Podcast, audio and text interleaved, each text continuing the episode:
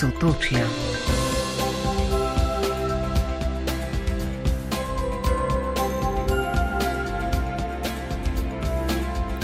Dober večer, lepo pozdravljeni vsi, ki ste se odločili za družbo rojakov iz sosednjih držav.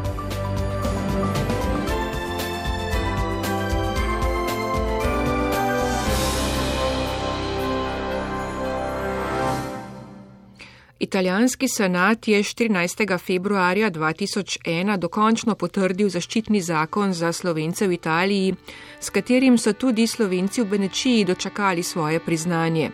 Kaj je rojakom v Furlani, Julijski krajini, v dveh desetletjih omogočil ta zakon, kako je z njegovim dejanskim uveljavljanjem, podrobneje v nadaljevanju odaje, ko se bomo za nekaj minut vrnili k slovenskemu kulturnemu prazniku.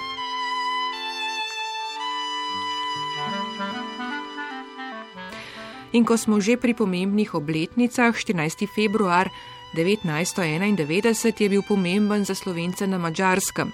Takrat je namreč išla prva številka njihovega tednika porabje. Ob 30-letnici izhajanja tega časopisa se bomo pogovarjali z odgovorno urednico Marijano Sukič.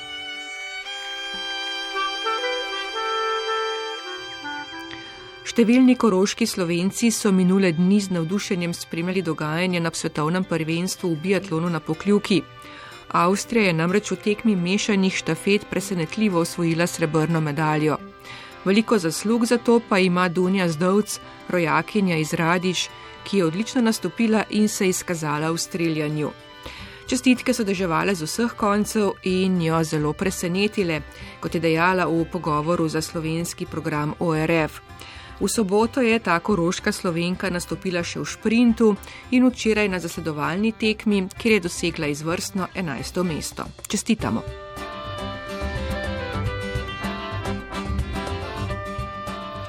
Klub slovenskih študentk in študentov v Gracu je eden od treh slovenskih študentskih klubov v Avstriji.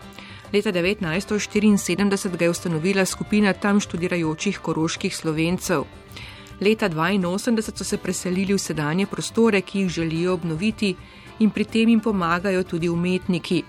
21 jih je dalo svoje dela, ki so na dražbi do konca februarja, med njimi tudi Valentin Oman, Gustav Januš, Tanja Prušnik, Karl Vovk, Mirko Male in drugi znani, predvsem koroški slovenski umetniki. Več o tem v drugem delu oddaje s predsednico kluba Jero Jagodic. Ker so slovenski študenti v tujini upravičeni tudi do izplačila 150 evrov solidarnostnega dodatka, bomo nekaj besed namenili tudi temu. Rok za vložitev prošnje na portalu e-uprava poteče o polnoči, tako da časa ni prav veliko. V petek in soboto so v Sloveniji potekali virtualni informativni dnevi za študente. V prihodnjem študijskem letu bo za slovenske državljane in državljane držav Evropske unije na voljo dobrih 16 tisoč mest, za slovence brez slovenskega državljanstva in tujce iz držav, ki niso članice Evropske unije, pa je namenjenih 2365 upisnih mest. Več o študiju v Sloveniji v drugem delu odaje stajnico kluba zamejskih študentov Ivano Husu, ki prihaja iz Furlanije Julijske krajine. Sotočja. Preden spregovorimo o pomembnih jubilejih, se ozrimo še v minuli teden, ko sta ob kulturnem prazniku krovni organizaciji Slovencev v Italiji podelili priznanji za izjemne dosežke. Dobila sta ju goriški skladatelj in zborovodja Patrik Kvadžato ter beneški čedermac Božo Zvonela. Nagrajenca so predstavili v filmu Tisi svetlobe, ki je letos nadomestil osrednjo kulturno proslavo. Več špela Lenardič. Nič posebnega nisem storil, je ob prejemu priznanja skromno dejal 80-letni duhovnik, publicist in raziskovalec krajevne zgodovine Božo Zvanedla.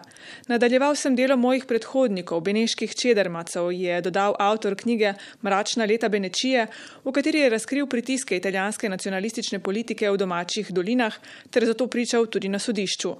Skrbi ga za prihodnost domačih krajev, saj se izseljevanje že desetletja ni ustavilo. 76. leta, ko je bo potresno, na Tarčmunu, vas Tarčmun, je bilo sto ljudi.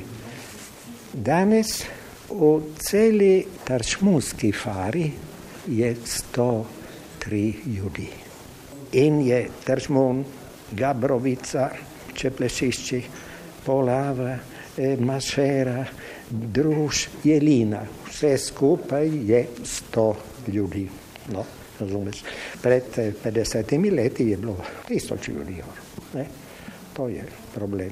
Ne? Patrik Kvadžato je vsestranski goriški glasbenik, zborovodja in skladatelj je diplomiral na Tržaškem konzervatoriju. Tavkala in Bobne poučuje na dveh glasbenih šolah Goriške in Videmske pokrajine. Njegove zborovske kompozicije so vključene v repertoar številnih zborov, izvajajo se tudi na mednarodnih tekmovanjih. Zaradi pandemije je ta najbolj razširjena kulturna dejavnost manjšine v težavah, opozarja. Če gledamo recimo zborovsko dejavnost, tam, eh, če pomislim, smo že skoraj dobro leto oziroma leto dni, ki smo praktično ustavljeni ali pa smo zelo, zelo malo uspeli vaditi. In tako da mm, zmanjka, ne, malo tista utečenost, tako da gotovo zdaj trenutna situacija ni, da je v mirovanju, ampak ne vaditi pomeni ne, da ostaneš tam, ampak da greš v bistvu korak nazaj. Zadnja leta si utira pot na instrumentalnem in gledališkem področju, zato mu priznanje manjšine predstavlja predvsem spodbudo za nadaljne delo.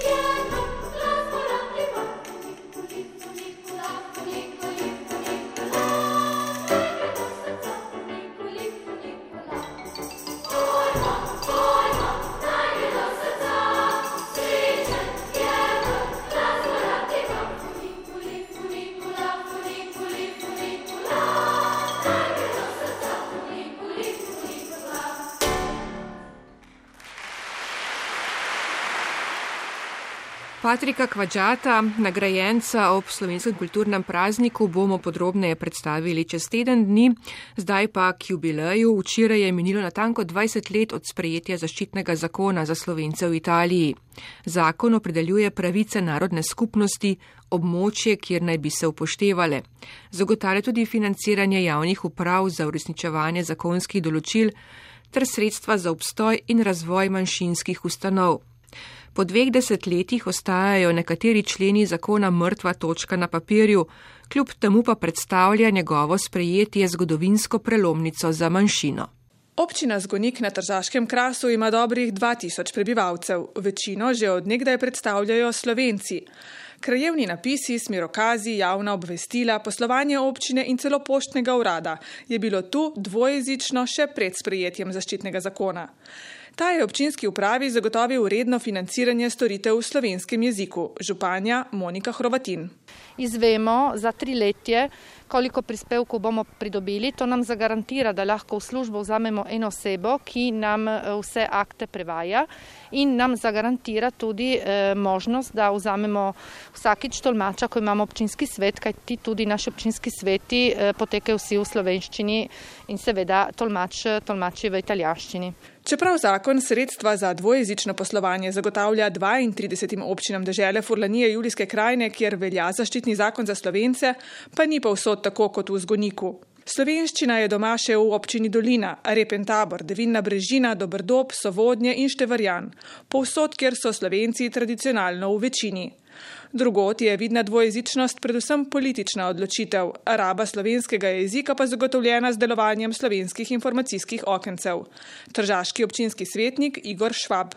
Ta okenca eh, so informativnega značaja, torej niso operativnega. Eh, občan pride, vpraša, da ima za obnoviti osebno izkaznico in mu dajo napotke, kam naj se obrne in kaj, kaj rabi za obnovo določenega dokumenta, tako vozniškega, gre na prefekturo ali za potni list. In zaradi tega dejansko ta okenca so malo uporabljena. Paritetni odbor, ki skrbi za nadzor uresničevanja pravic manjšine, je ustanovil deželni centralni urad za slovenski jezik. Z vzpostavitvijo mreže prevajalskih storitev bi bila ta poenotena za vse občine, a urad še ni povsem zaživel. Odgovornost za spoštovanje vidne dvojezičnosti in rabe slovenskega jezika nosi tudi manjšina sama, opozarja goriški trgovec Benedikt Kosič, ki ohranja družinsko tradicijo v središču mesta. Dvojezičnost je vezana tudi na nas samih. Jaz mislim, da je stvar, kako smo mi, člani manjšine, kot mi slovenci, spoštovani in sprejeti v mestu in to velja tudi, kako mi nastopamo.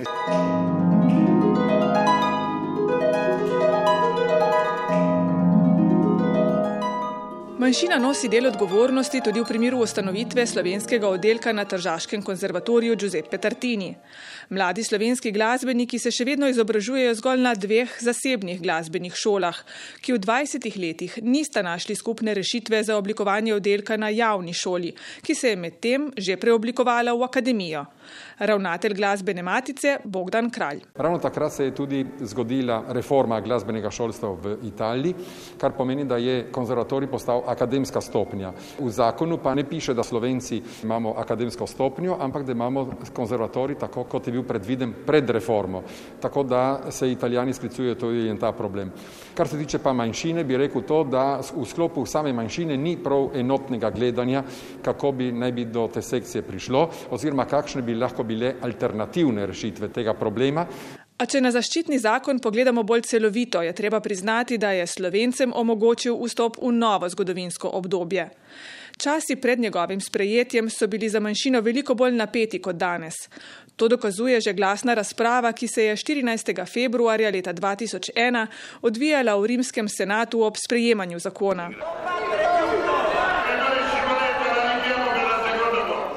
Njegovo besedilo je manjšina predložila že leta 1996. Poslanska zbornica ga je obravnavala šele tri leta kasneje, senat pa še dobro leto zatem. Tako sta občutke ob sprijemu zakona strnila tedanja predsednika krovnih organizacij, Rudi Pavšič in Sergi Pahor. No, občutki so veselja in seveda eh, navdušenja nad dogodkom, ki se je zgodil pred nekaj minutami v avli senata, saj jaz bi ga označil za zgodovinskega dogodka v zgodovini in v knjigi slovencev v Italiji. Smo zadovoljni, ne moramo biti drugega kot samo zadovoljni po tolkem času v pričakovanjih, po tolikih eh, bojaznih, po tolikem nemiru, ki je zajemal našo skupnost, smo zdaj dobili končno to zadoščenje. Sprejetje zaščitnega zakona predstavlja zgodovinsko prelomnico predvsem za slovence videmske pokrajine. Država je po dolgoletnih zatiranjih končno priznala njihovo prisotnost in jim dodelila enakopraven položaj slovenci na Tržaškem in Goriškem. Đorđo Bankič, vodja Inštituta za slovensko kulturo v Špetru. Klima prej je bila malo napeta, zdaj pa recimo, da so vse stvari pomirile in da biti slovenci ali se izkazati kot slovence ne predstavlja, ne predstavlja problema. Dvojezična šola je pri tem veliko, veliko prispevala.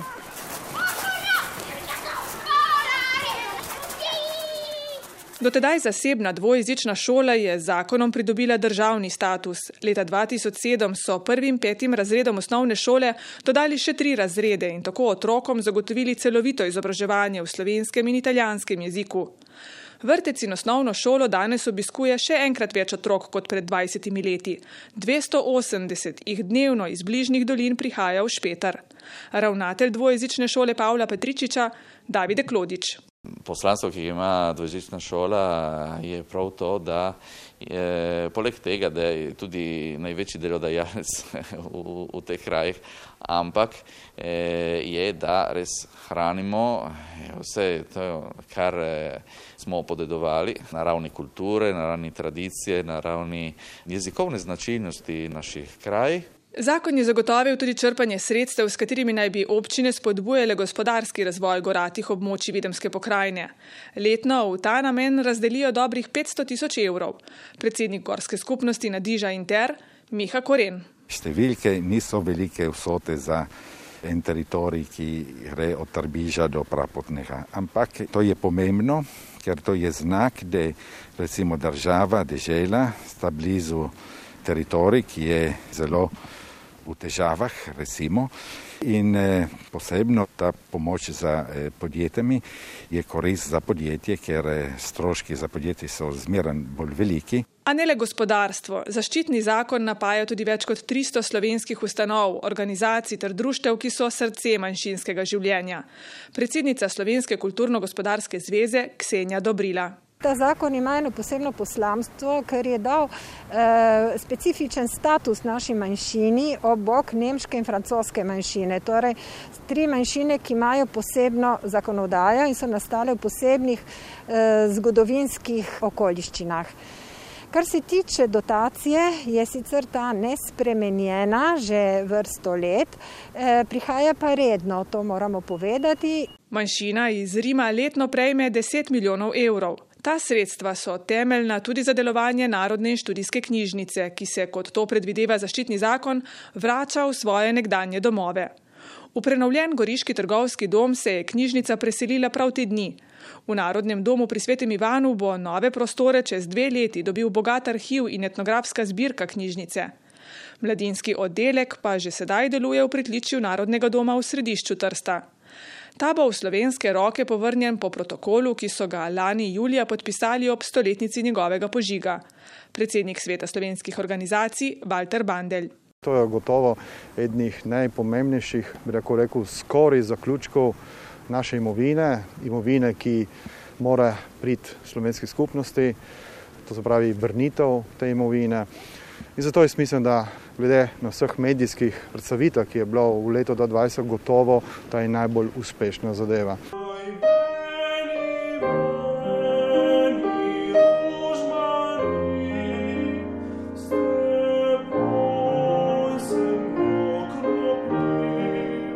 Slovenska narodna skupnost je z zaščitnim zakonom pridobila polnopravni status v državi, pa tudi samozavest in prepoznavnost.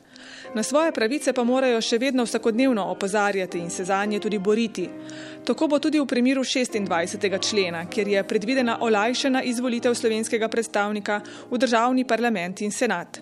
Italija je namreč s krčenjem števila izvoljenih predstavnikov za dobro tretjino slovencem tako rekoč zaprla vrata v Rim.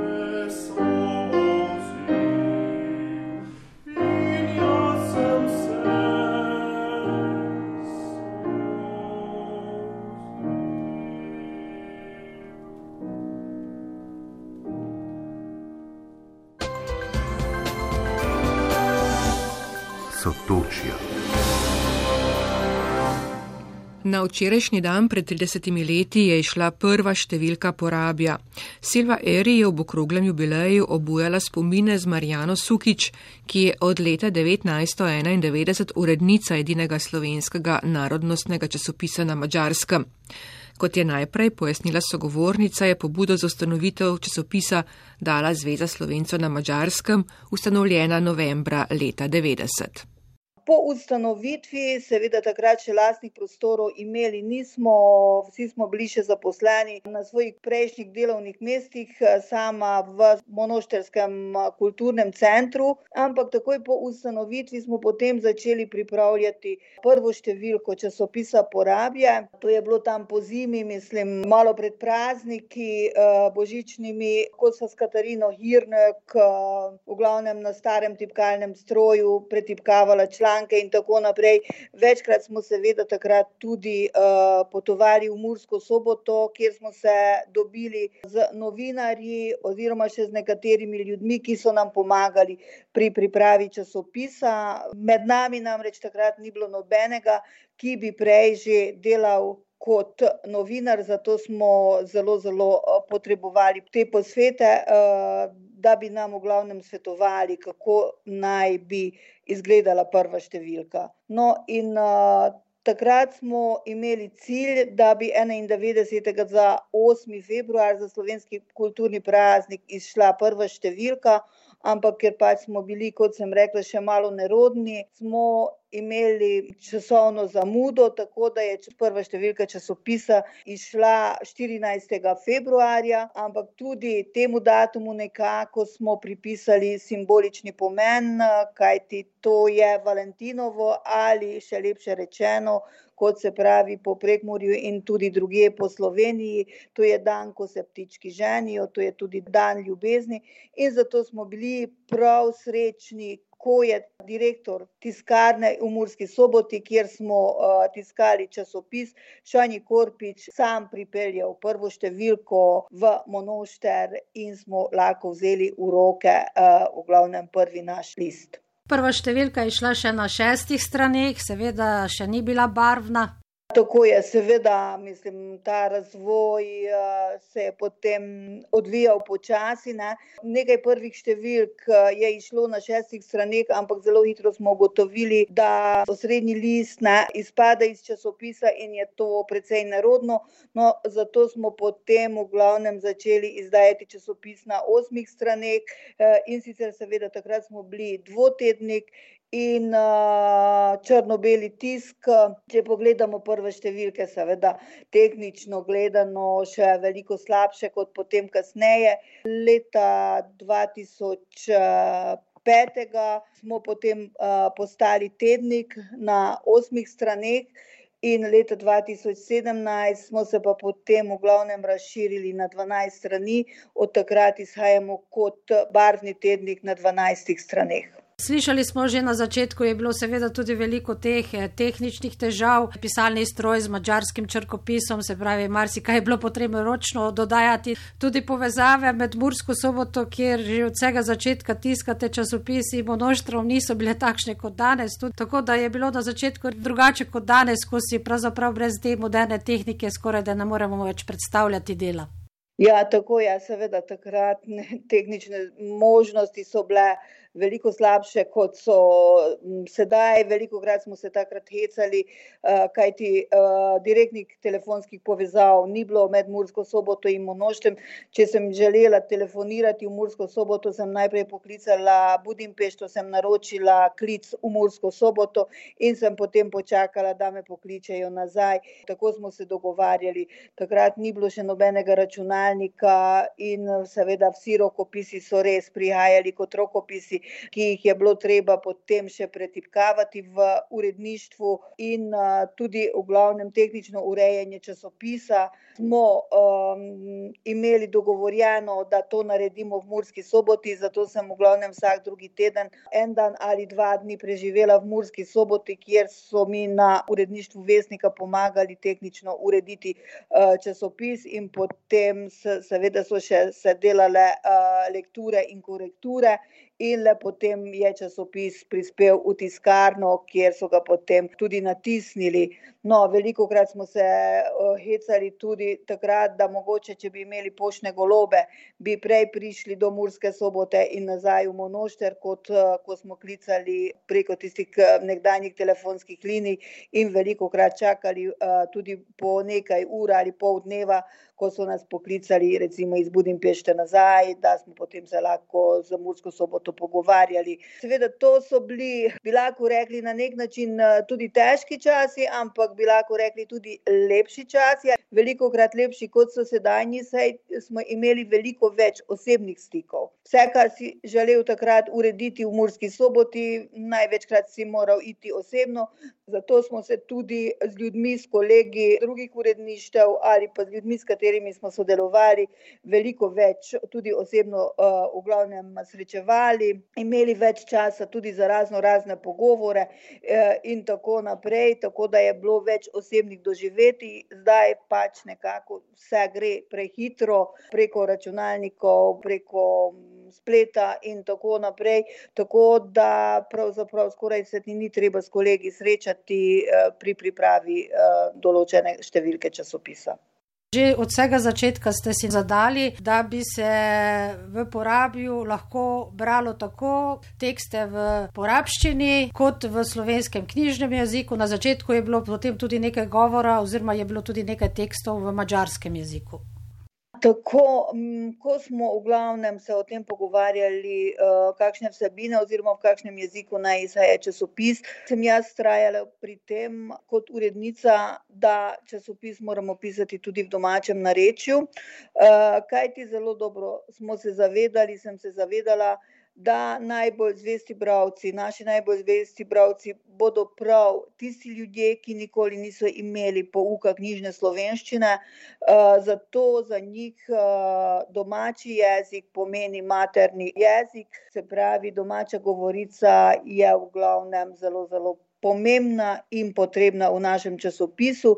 Tako smo potem tudi začeli pisati, čeprav moram povedati, da med jezikoslovci v Sloveniji je takrat bilo nasprotovanje, zakaj se piše v domačem narečju, zakaj ne v knjižnem jeziku, ampak kot sem že rekla, jaz sem praktično vztrajala pri tem. No, na začetku čisto menda v prvih nekaj številkah smo imeli tudi nekaj člankov v madžarskem jeziku ali kakšne povzetke v madžarskem jeziku, ampak potem smo kar hitro nekako ugotovili, da mogoče bodo ljudje, sploh pa tisti mlajši, mlajše generacije, ki jim je bližja madžarščina kot katerakoli zvrst slovenskega jezika, bodo prebrali samo madžarske tekste in se ne bodo potrudili, da bi prebirali časopis v maternem jeziku, v slovenskem jeziku. No, zato potem smo kasneje v glavnem opustili madžarski jezik pri Porabju in smo ostali, bi lahko temu rekli, dvojezični časopis, knjižnoslovenski in porabski časopis. Že od vsega začetka ste poskušali vendarle pridobiti mlade bralce tudi v teh prvih številkah. Je bila, čeprav je bilo malo strani, ta mladinska, otroška stran. Vem, da je bilo potem z leti teže včasih to doseči, zdaj le v zadnjem obdobju pa se spet trudite, da bi pridobili nekako nazaj to mlado generacijo. Ja, tako je. Mislim, oba cilja nekako smo imeli pred očmi, da bi jih pridobili kot bralce in da bi jih na neki način pridobili tudi kot sodelavce, če lahko se tako izrazim, časopisa. No, čisto na začetku smo imeli otroško stran ali otroški kotiček z raznimi naslovi, Otroški smeh je bil ali Otroški kotiček, in moram povedati, da na začetku pri polnjenju te strani nam je zelo veliko pomagal takratni slovenski lektor iz Murske Sobote, Janez Kerčmar, ki je nekako bil vez med nami in med porabskimi šolami. Seveda takrat tudi učitelji oziroma takratni ravnatelji osnovnih šol so bili pripravljeni sodelovati, naj omenim Eriko Glančevo, ki je v glavnem spodbujala svoje učence in tudi svoje učitelje, naj v glavnem spise svojih otrok v glavnem pregledajo, malce popravijo in pošiljajo časopisu Porabje. No, potem je pa na žalost prišlo obdobje, ko v glavnem se učenci več niso odzivali oziroma nam niso pošiljali svojih prispevkov, tudi učitelji mogoče jih niso toliko spodbujali. Zdaj lani, predlani in to v glavnem s pomočjo učiteljic asistentk in vzgojiteljic asistentk smo spet začeli bolj tesno sodelovati. Kakorkoli je bilo težko leto, lansko leto zaradi epidemije, prav lani nam je uspelo, da smo izdali dve otroški prilogi pod naslovom Mlado porabje. V tem smo v glavnem objavljali spise in tudi risbe, slike in tako naprej učencev in tudi malčkov iz vrtcev. Tu se moram posebej zahvaliti učiteljici asistentki Valentini Novakovi. Tu je poseben cilj, da preko tudi teh prilog oziroma s pomočjo otroških člankov nekako ponovno navežemo na časopis starše, generacije staršev, tiste, bi lahko rekli, še mlade ljudi, ki so malo manj navezani na ta časopis, kot recimo so bili njihovi starši, kot so navezane babice ali dedki na ta časopis. Kajti smo prepričani, če kakšen oče ali mamica kakšna vidi risbo ali tudi članek svojega otroka v časopisu, ga verjetno bo potem prelistala in malce mogoče prebrala tudi kakšne druge članke, ki smo jih objavili v časopisu. V to ne dvomimo, glavni urednici Marjani Sukič in njenim sodelavkam ter sodelavcem pa želimo še veliko uspehov. Prvo številko časopisa porabi, ki je išla 14. februarja 1991, pa si boste lahko ogledali tudi na naši spletni strani.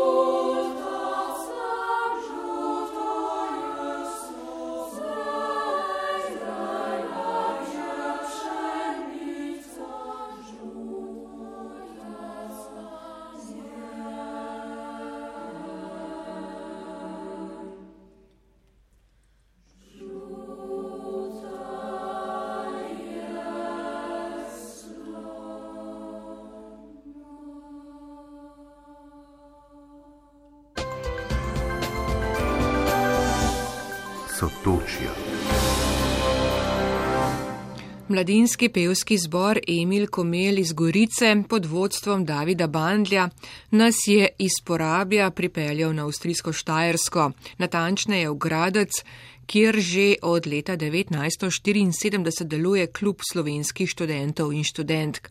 Predsednica je Jera Jagodic, študentka sedmega semestra gospodarskega poslovanja. Pred kratkem je bila vnovič izvoljena na ta položaj. V šestčlanskem vodstvenem odboru kluba pa so prvič v zgodovini sama dekleta.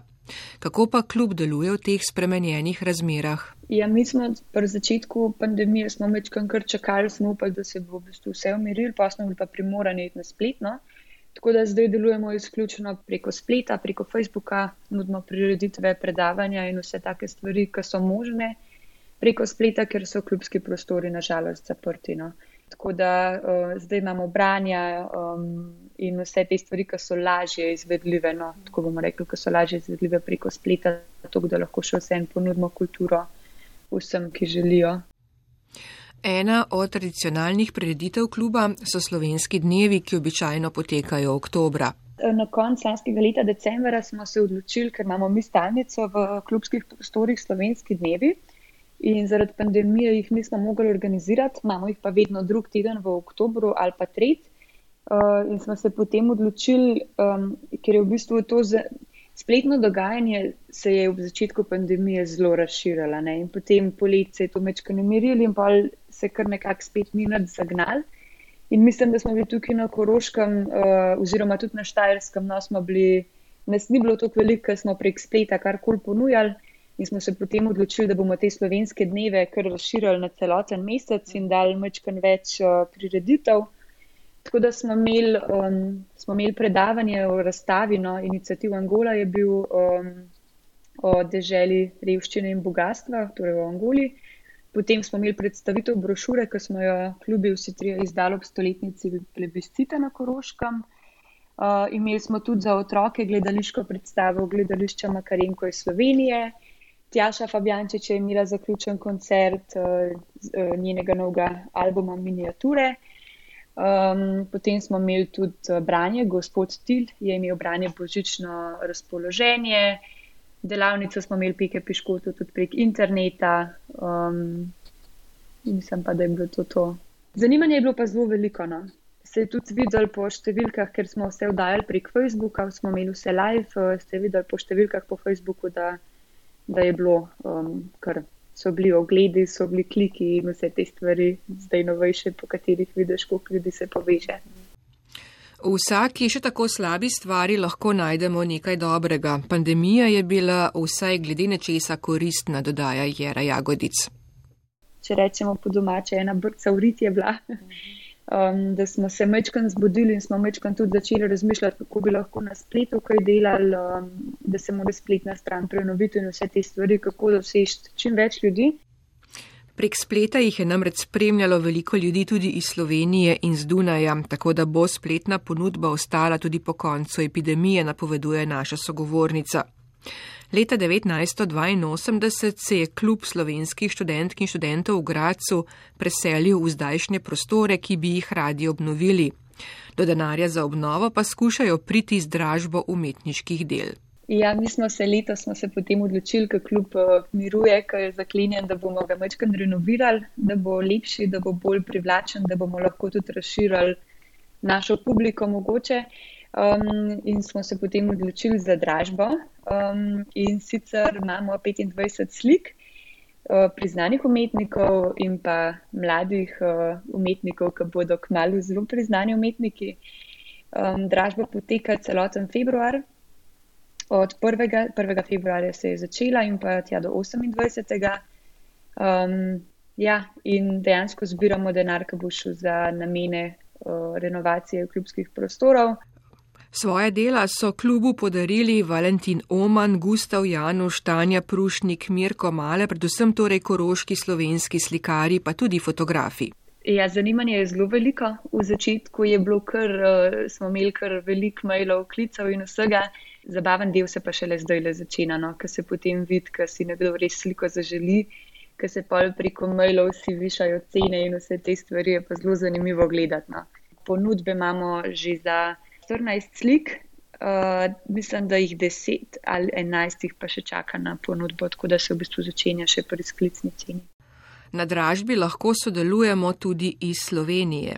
Um, lahko nas enostavno pokličete na telefonsko številko, na Facebooku imamo vse podatke, lahko nam pišete na mail, lahko nam pošljete sporočila um, ker to je zdaj dražba, ki deluje izključno preko maila, klicev in sporočil. Um, dvakrat na teden objavljamo aktualna stanja na Facebooku in Instagramu, in pa tudi po mailih pošiljamo v ponedeljkih in četrtkih vsa aktualna stanja.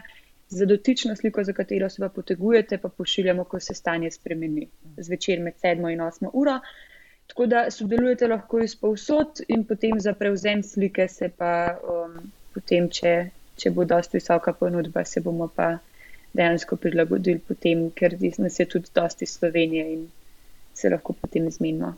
Jera Jagodic je predsednica Graškega kluba slovenskih študentov in študentk, je pa tesno povezana tudi s koroškimi slovenci, saj se je po končani osnovni šoli v Kranju odločila za šolanje na visoki šoli za gospodarske poklice v Šentpetru v Rožu, na to pa odšla na študij v Gradec. Kako zdaj tam poteka študij? Um, v bistvu imamo vse preko interneta, vse je online. Do um, konca velikonočnih počitnic je to zdaj uh, sigurno, potem bodo pa videli, no, kako bo sproščanjem ukrepov in vse to. Um, ampak je pa zelo naporno.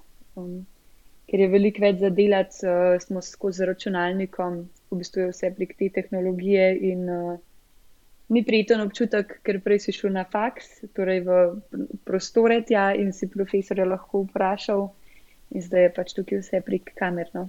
Izpiti so pa tudi preko interneta. No. Imamo pol različne teste, včasih imamo 24 ur, da ga rešimo, pa pol nazaj, torej ta open book sistem uh, prek Skypa, ustni izpiti, potem izpiti prek uh, teh programov, ki jih je univerza zdaj uh, naredila. No. Um, so pa težji izpiti, so pač potem druge stvari, da se ne, ne prepisuje in vse te stvari, ki jih je treba zraven. Slovenski študenti v tujini so v PKP 8 dobili možnost do 150 evrov solidarnostnega dodatka. Obvestilo o možnosti za oddajo vloge na portal e-uprava pa so z Ministrstva za izobraževanje poslali 10. februarja popovdne, zadnji rok za prijavo pa poteče danes. Tudi Jera Jagodic pogreša pravočasno informiranje. Ker to je bilo tudi v bistvu fulno jasno, ker, ker, je vlada ta, ta protikoronski paket sprejela, par dni zatem eh, so ga potrdili in pa enostavno ni bilo ničesar več, pa so bili samo tiste minimalne plače, vse to za, pač je tako ali tako logično, no? ampak da bi se saj na kakšne organizacije poslala ali pa karkoli. In pol, pol še to, ker je bilo pač do 15. rok, to je, to je pač zdaj, to so štiri dnevi, a ne, in vmes je še vikend. Če ima kdo kakršne koli probleme, sploh ne more vdati, noben ga ne more dobiti. Ker tudi te telefoni, ki jih pač kličeš, so neodzivni, ampak to verjamem, to nismo edini, ki kličemo, samo pač ne vem. Številni študenti ohranijo stalno prebivališče v Sloveniji, saj se nameravajo vrniti domov, dodaja Jera Jagodic. Toda res, ker vsi tako vedno govorijo na mladih svet, stoji pa pejte ven, pa pejte to, pa pa takoj, ko greš ven, te pa pozabijo. To je brutalno, res. Neuspešno iskanje informacij o pomoči iz Slovenije, pošiljanje z ministerstva na ministerstvo je Jero Jagodic precej razburilo. Se v bistvu ne gre niti toliko za denar, ampak se gre, mislim, pomaga marsikirmu teh 150 evrov, ampak gre se za principane. To je bolj hudo. Naša sogovornica ima do konca študija še en semester in če bo vse po sreči, bo v letu dni zaključila. Kam potem se še ni odločila, razmišlja o vrnitvi v Slovenijo? Mm, v tem zelo težko govorim, ker je to enih faktorjev potem zraven, da je res uh, težko povedati. No. Če bi se zdaj odločala v tem, v tem momentu, bi mislim, da ostala v Avstriji. Jeri Jagodic, predsednici Graškega kluba slovenskih študentk in študentov, želimo veliko uspehov. Vsi trije slovenski študentski klubi v Avstriji, tako koroški, dunajski kot graški, imajo svoje zbore. Prav graški pa je najštevilčnejši.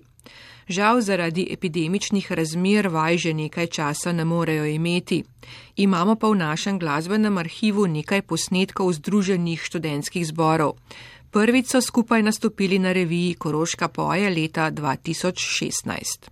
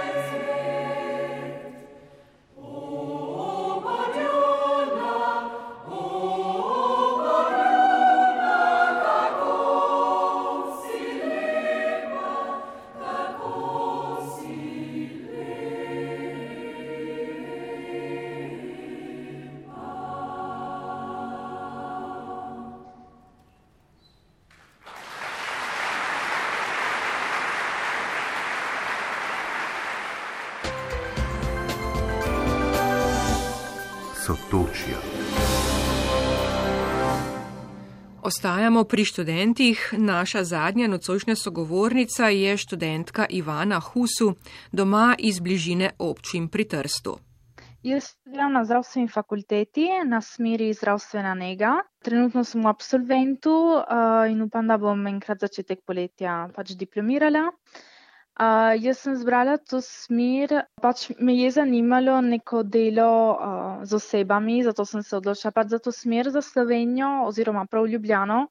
Sem se pa odločila, ker tako sem imela to željo, da bi se malo preizkusila, da bi šla malo na, na svoje, da bi postala malo bolj samostojna mogoče. In recimo sem poskusila in potem se je šlo dobro, pač mi je bilo všeč in sem tukaj ostala, ne. Mislim pa, da mogoče en dejavnik, ki vpliva na, na izbiro Slovenije, je tudi jezik. Ne? Recimo, če smo pač imeli vse šole v slovenščini, je potem mogoče za nekatere lažje nadaljevati pot v slovenščini, a nekateri pa se odločijo za nadaljevati v angleščini ali pa italijanščini, ne karkoli. Sam pa mogoče nekaterim je lažje potem iti naprej v slovenščini. Tudi to, recimo, Ljubljana je nekako blizu, ne, se lahko vračaš vsak vikend, ampak je vseeno tako daleč, da recimo moraš si tukaj poiskati stanovanje. Ne. Moje mnenje je to, potem gotovo vsak ima uh, pač svoj zakaj. Je, ne. Ivana Huso je tajnica kluba zamejskih študentov, ki deluje v Ljubljani od leta 2014. Klub je nastal zaradi vse večjega zanimanja mladih rojakov iz Italije za študij v Sloveniji. Danes ima od 50 do 60 članov, povezuje pa se tudi z drugimi študentskimi klubi v Sloveniji. Z leti smo pa začeli tudi sami um, delati določene preditve. Ena izmed teh je ta dan odprtih vrat, ki smo imeli uh, konec januarja. Uh, in pač v tem dnevu skušamo um, predstaviti univerze uh, više šolcem iz pač iz Trsta. Uh, in če imajo katerakoli vprašanja, smo na razpolago in skušamo pomagati pri upisu, pr, pač prav pri postopku in pač vse to, kar zadeva izbiro poti za študij. Zdaj so v klubu članini predvsem študenti iz Italije, tudi načrti imajo, da bi povezali vse slovenske študente iz sosednjih držav, pravi Ivana Husu čeprav smo mi iz Italije najbolj številčni, uh, imamo kontakte z nekaterimi um, iz Avstrije, uh, s Hrvaške in Mačarske pa bolj malo, ampak pač delamo na tem. Um, tako da upamo, da v prihodnih letih bomo lahko res naredili nek kontakt in skupaj bolj sodelovali. Tako. Klub pripravlja tudi zabavna druženja za člane in na tradicionalni škisovi tržnici dobiva nagrade za najlepšo stojnico. Ena ključnih dejavnosti tega kluba pa je prav dan odprtih vrat s predstavitvijo študije v Sloveniji. Virtualno srečanje je, kot ste lahko slišali, potekalo konec januarja. Uh, ja, potekalo je prek spleta. Zanimanje menim, da je bilo kar dobro, pač je preseglo naša pričakovanja. Um, Res je tudi, da pač so se upisali ti, ki jih je res zanimal študij v Sloveniji. Uh, smo imeli okrog enih 80 upisanih prav dogodek, uh, tudi smo dobili veliko vprašanj uh, glede pač celotnega študija in potem smo izkušali te vprašanja vključiti v predstavitev. Tudi pač odziv na predstavitve um, drugih univerz, ki smo pač povabili, da so um, se predstavili, je bil kar dober, nekako smo uspeli strniti vse skupaj. In mislim, da je bilo zelo razumljivo, učinkovito in tako smo, smo imeli dober občutek, evo, dober odziv, se mi zdi. In kaj je bodoče bruce najbolj zanimalo? Ma, čisto odvisno. Dosti je bilo takih bolj specifičnih vprašanj, ne vem, za medicino ali pa zdravstveno fakulteto ali take zelo ciljna vprašanja in na to smo potem skušali odgovoriti nekako individualno. Uh, drugače pa največ, po moje, bilo uh, glede upisnega postopka, ki je kar tako mogoče malo zakompliciran. Pač si ga moraš res podrobno pogledati. In zato smo pa povabili pač osebo, ki se s tem stalno ukvarja, tako da je pač ona razložila vse po in a, mislim, da je bilo tudi to zelo dobro se išlo, tako razumljivo. Evo. Največ težav običajno povzroča sam upisni postopek, dodaja Ivana Husu. Recimo, upisni postopek pač je malo bolj kompliciran, tako še posebej na začetku, že mogoče ne veš točno, na katero smeriti, ali vse to te nekaj zanima, ne veš, kako bo. Ok, pa se nekako odločiš in potem moraš priskrbeti vse te razne papirje, ne? In mogoče se tam malo zavleče, čeprav se mi zdi, da se je upisni postopek tudi malenkost spremenil od pač, ko sem se jaz upisala do sedaj. Mi se spomnim, smo mogli vse nekaj overovljati in to se, se je tudi včasih kar vleklo. Uh, zdaj se mi zdi, da je malo lažje vse te stvari pridobiti, tako da ne vem, ampak se da v smislu, uh, si vzameš nekaj več časa, ampak gre, dovolj, da si dobro pogledaš uh, vse, kaj rabi in kaj moraš napisati. Slovenski študenti iz sosednjih držav lahko v istem prijavnem roku vložijo dve prijavi in sicer kot slovenci brez državljanstva in kot državljani držav Evropske unije. Če so sprejeti z obema prijavama na različna študijska programa, pa lahko izberejo program, ki jim bolj ustreza. Ja, eh, ja, tudi to je treba lepo pogledati, ker naprimer jaz osebno imam tudi slovensko državljanstvo. Ne?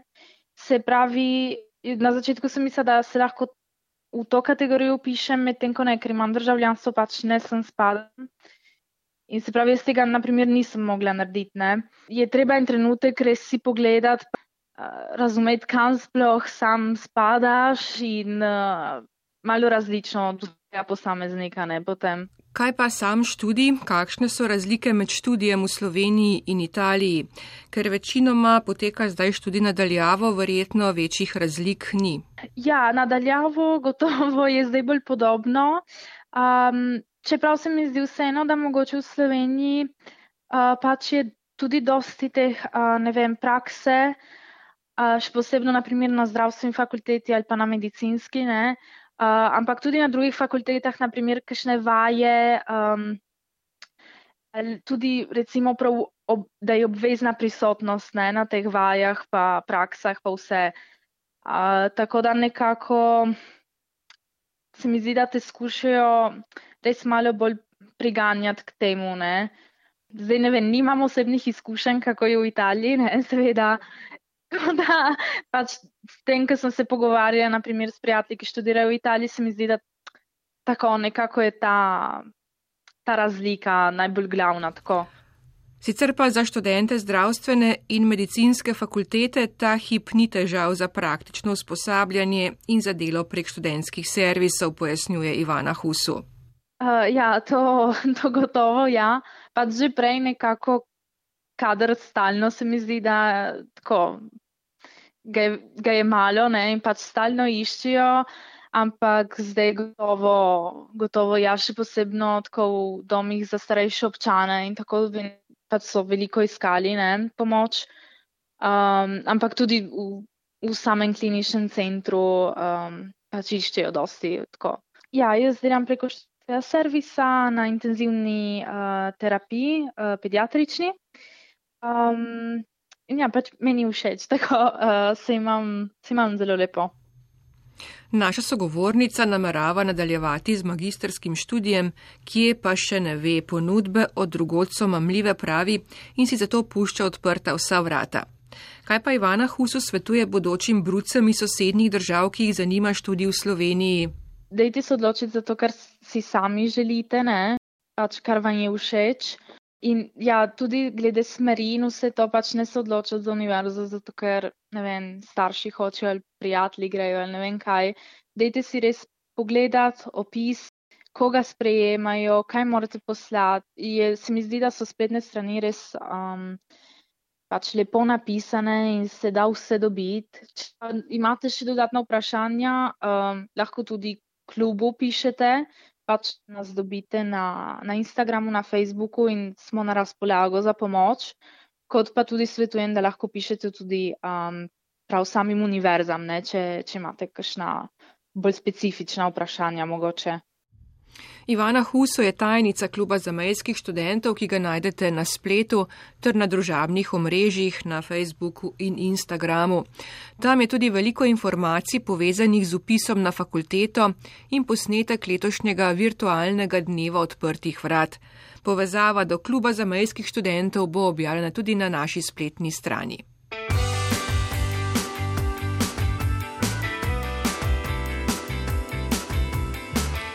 Ker pa je ravno jutri pustni torek, zdaj sledi pust in skupina Black Panthers.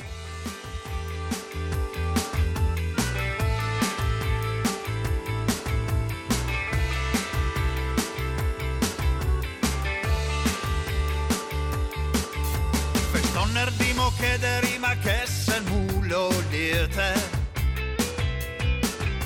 Lo fai mania do keder bujemo presjete Kriesprnje se lepke žin, a nu stoji lik prav. Včeraj se prva čupje, poma jaz nisem znov Vsaki fešti se perdružen, vsaka škuža pride prav. Tudi če nima pomena, tudi če sem skoraj gol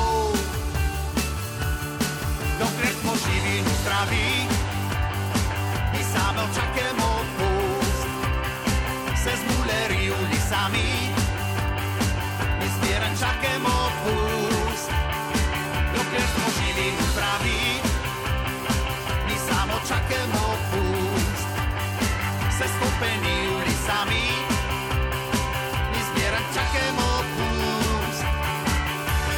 Dignit mna je fajn, ma tudi zer je težko. Večja fetiga je kus praznit nekuen si pjoško. No božič ne pomaga se prešparet, ka problem smo mi. Novo leto kaže, da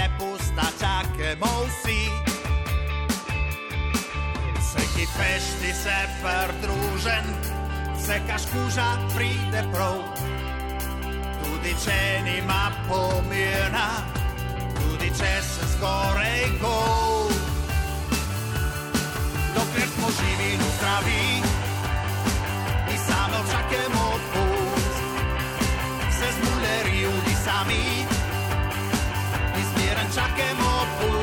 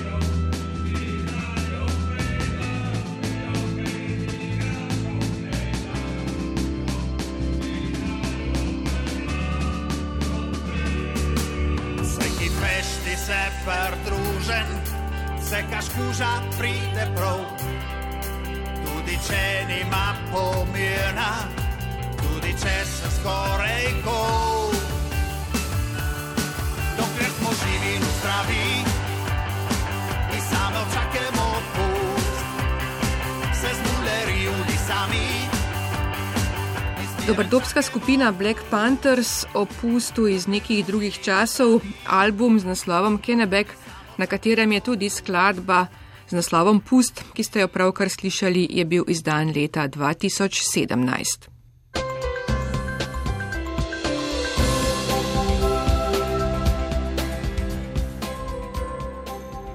Sotočja smo tokrat pripravili tonski mojster Vojko Frelih in novinarke Špela Lenardič, Silva Eri in Mataja Železnikar.